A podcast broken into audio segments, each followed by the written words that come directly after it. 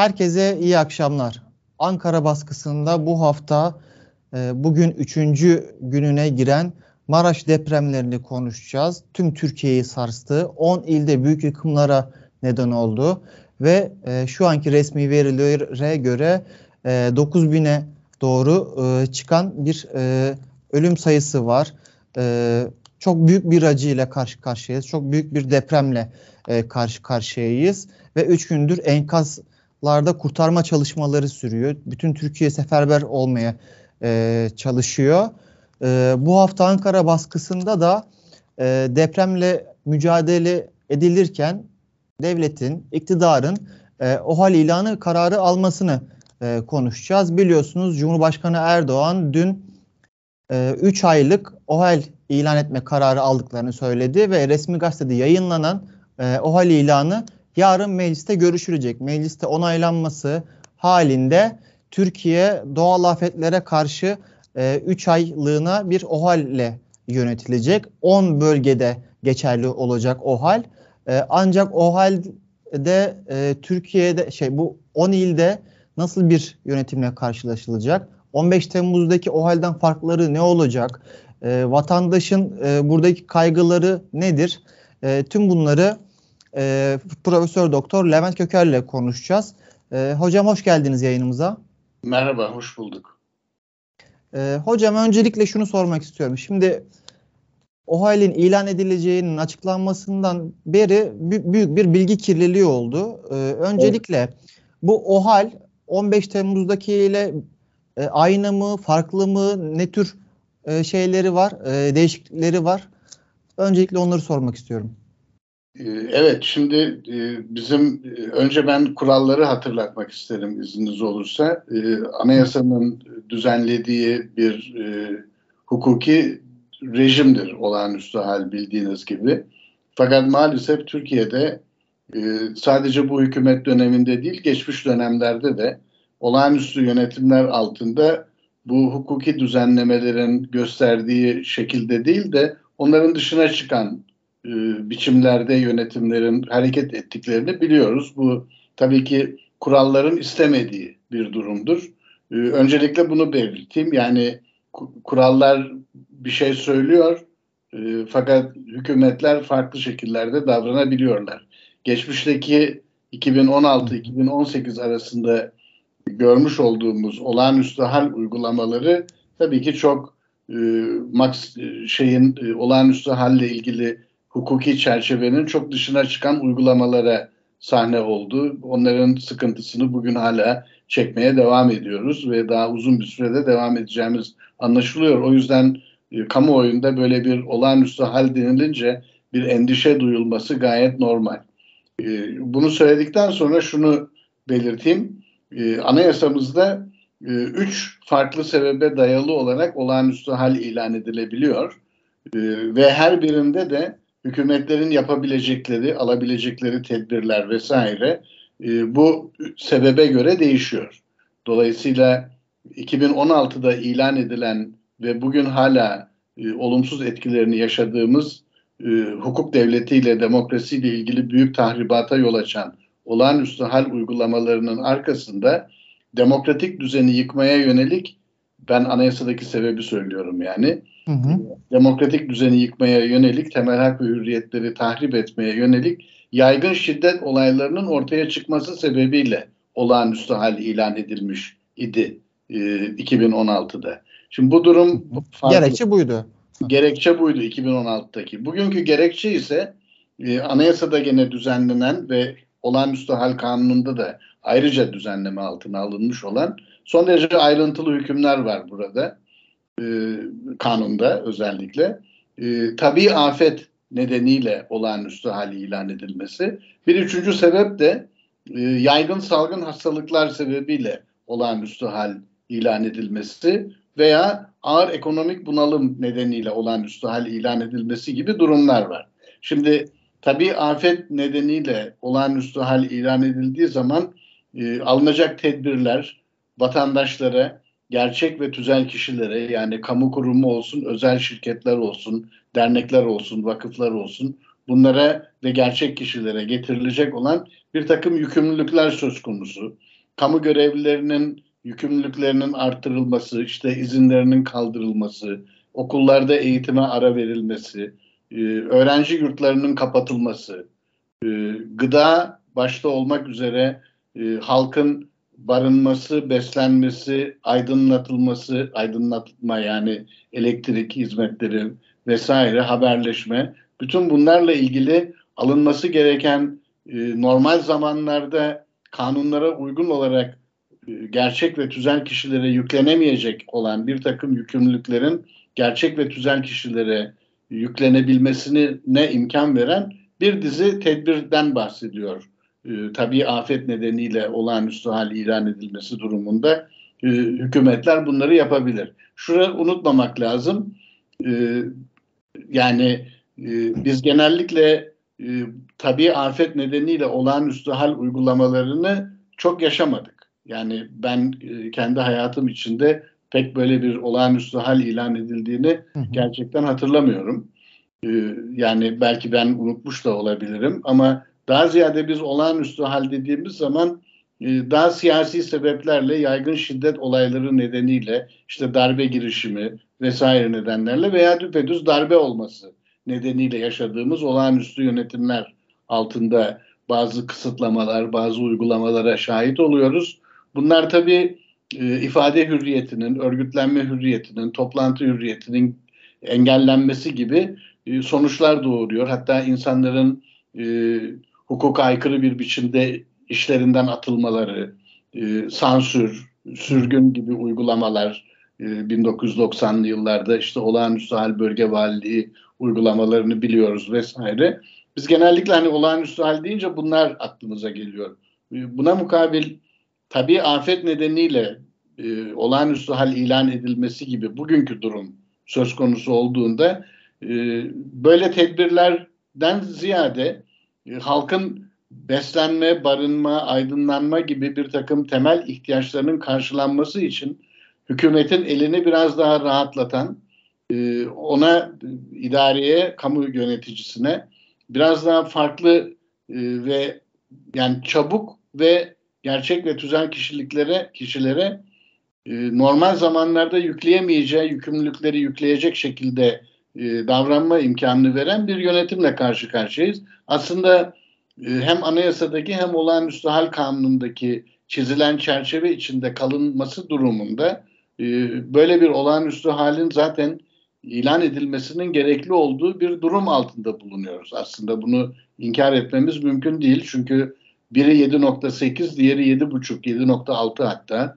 büyüklüğünde iki dev depremle karşı karşıya kaldık ve e, muazzam bir yıkım ve e, son derece acı verici e, can kayıplarıyla karşı karşıyayız.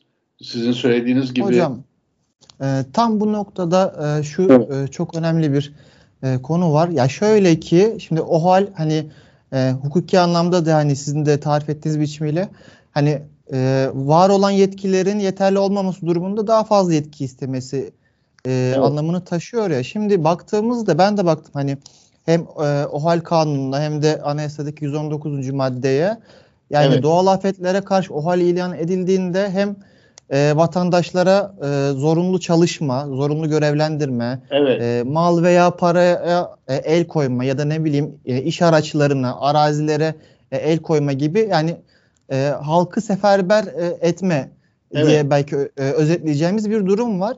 Fakat son üç güne baktığımızda e, on binlerce kişi gönüllü olmaya çalışıyor, yardımlar gidiyor. Fakat e, görevliler, iktidar yani AFAD dışında bir yardımı e, pek istemiyorlar. Yani bunu çokça gördük yani bir birçok ilde. Yani bu anlamda şunu sormak istiyorum. Hani bir yanda halkın yardımı e, ötelenirken bir yandan halkı zorunlu olarak e, seferberliğe koşacak yetkiler isteniyor. Yani burada bir çelişki yok mu? Siz nasıl değerlendiriyorsunuz? Şimdi pra- pratikteki işleyişini olağanüstü halin e, henüz e, görmüş değiliz. Çünkü bugün resmi gazetede yani bugün 8 Şubat e, bugün evet, yarın mecliste gaz- gazetede yayınlandı ve yarın Türkiye Büyük Millet Meclisi'nde onaylandı, onaylanacak. e, bundan önceki süreçteki uygulamalarda nelerin aksadığını tabii e, yani e, o bölgede olmadığım için tam net bilemiyorum ama sizin söylediğiniz aksaklıkları ben de sosyal medya üzerinden özellikle takip edebiliyorum. E, yani bir mukayese yapıyor bazen e, bu medya, sosyal medyadaki bir takım e, mesajlarda veya iletilerde gördüğüm kadarıyla 1999 e, Düzce e, ve Gölcük depremlerinden farklı olarak e, burada sivil toplumun halkın inisiyatif yoluyla kendilerinin oluşturduğu yardım mekanizmalarının çalışmasına bir engel oluş, olunduğu türünden bir yaklaşım ortaya konuyor ama bunların biraz ihtiyatla karşılanması gibi bir düşünceye de sahibim. Onu açık yüreklilikle söylemek isterim. E, yani neyin ne kadar ne şekilde doğru aksettirildiğini ben şu anda tabii bölgede olmadığım için değerlendiremiyorum ama e, şurası bir gerçek ki bu e, yıkım ve can kayıpları karşısında yeterli ölçüde yardım e, yeterli hızla gereken hızla ulaşmadı. Bu e, bunu tespit etmemiz e, herhalde uzaktan da olsa mümkün. Şimdi olağanüstü halle birlikte e, bu hareketlenme hızlanacak mı? Daha mı efektif olarak kamu kaynakları kullanılacak? E, bunu tabii zaman gösterecek. Tabii burada öncelikle şunu belirtmem lazım ki e, olağanüstü hal kanunundaki düzenlemelere siz de bakmışsınız. E, doğrudan doğruya bireylere veya doğrudan doğruya bireylerin gönüllü olarak oluşturdukları sivil toplum örgütü dediğimiz örgütlere e, bir yükümlülük yüklenmesi de söz konusu değil. Öncelikle yükümlülük yüklenecek kurumlar kamu kurumları ve kamu kurumlarıyla birlikte hareket eden bir takım kamu idaresinin kendi elinin altındaki kaynaklar. Bunların yetmediği durumlarda e, özel e, kişilere, özel tüzel kişilere veya gerçek kişilere işte para, çalışma yükümlülüğü vesaire yükümlülüklerin yüklenebilmesi e, söz konusu. Benim anladığım kadarıyla e, eğer e, bu süreci takip etmekte bir eksikliğim veya yanlışım yoksa e, çünkü uzaktayım yani e, Türkiye'de olmama rağmen hani bu 10 ildeki e, yıkımı e, birebir gözlemleme şansım olmadı. Ama eğer hani burada bir eksik bir şey yapmıyorsam e, olağanüstü hal ilan edilmesi yönünde ciddi çağrılar yapıldı hükümete. E, dolayısıyla biraz da bu çağrıların bir karşılık bulması şeklinde bir OHAL ilanı e, olarak değerlendirmek de mümkün bu girişimi. E, bunun tabii e, 2016 gibi e, bir e, sonuç yaratmasını beklemiyorum açıkçası. Çünkü e, sadece 10 ilde e, ilan edilmiş ve 10 ilde sınırlı olarak uygulanacak olan bir olağanüstü halden bahsediyoruz ve e, tabii afet nedeniyle ilan edilmiş olduğu için oradaki sınırlamalar içinde kalınacağını e, düşünüyorum. Ama tabii e, hani bunun aksine gelişmeler olur mu? Onu şu andan itibaren e, şu andan itibaren gözlemleyeceğiz. Yani gerçekten bu olağanüstü hal ilan ediliş amacına uygun olarak mı e, uygulanacak? Yoksa bunun dışına taşıp e, bambaşka şekillerde e, mi cereyan edecek? Çünkü malum bir de seçimlere doğru gittiğimiz bir e, süreci yaşamaktayız. E, ama onu düşünecek durumda değiliz şu anda. Hı hı. E, son olarak e, yarın meclisteki görüşmelerden önce o hal e, ilanı ile ilgili CHP ve HDP'den itiraz e, geldi. Özellikle e, CHP'de e, Anayasa Profesörü İbrahim Kaboğlu'nun bir açıklaması oldu bu konuda. Şöyle dedi. E, o hale gerek yoktu. Hem uzun hem de e, şu anlamda gerek yoktu. Afet e, bölgesi ilan edilmesi e, yeterliydi. Orada yeterli bilgi şey, yeterli yetkiler vardı e, demişti. E, bu anlamda nasıl değerlendirmek lazım? Yani afet bölgesi ilan edilmesi e, yeterli miydi sizce? E, muhalefet partilerin tutumunu, yani bu itirazını nasıl görüyorsunuz? Valla ben e, bunu da e, doğru bir yaklaşım olarak değerlendirebilirim ama e, İbrahim Hoca'nın e, bu yaklaşımına yanlış demem. E, böyle bir yanlışlık kesinlikle söz konusu değil. Afet bölgesi ilan edilseydi de zaten gerekenlerin yapılması için e, kamu otoritesi istediği serbestlik içinde hareket edebilirdi belki. Ama tabii afet nedeniyle olağanüstü hal ilan edilmesi 3 ay süreyle buna da yanlış diyemiyorum açıkçası. Ama tabii burada şu rezervi koyuyorum ki o rezervi zaten başından itibaren söylemeye çalıştım. Ee, anayasada ve olağanüstü hal kanununda tabi afet nedeniyle olağanüstü hal ilan edilmesi halinde hükümetin neleri yapabileceği yazılmış vaziyette ve son derece siz de kanunu baktınız son derece ayrıntılı olarak yazılmış vaziyette. Bu yapılabilecek olan hususların dışına çıkılmaksızın e, yasaya uygun bir olağanüstü hal idaresine e, eğer şahit olabilirsek bu benim için yeterlidir. Ama tabii geçmiş dönemden gelen e, olağanüstü hal uygulamaları ile ilgili tecrübemiz hükümetin olağanüstü halin ilan ediliş amacının dışına çıkarak davranabileceği konusunda haklı bir kuşku yaratıyor hepimizde. O yüzden bu haklı kuşku nedeniyle olağanüstü halin e, bir e, soru işaretiyle karşılanması gibi bir yaklaşım var.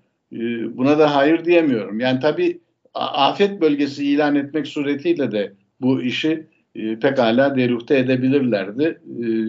Olağanüstü hal ilan etme yoluna gitmişler.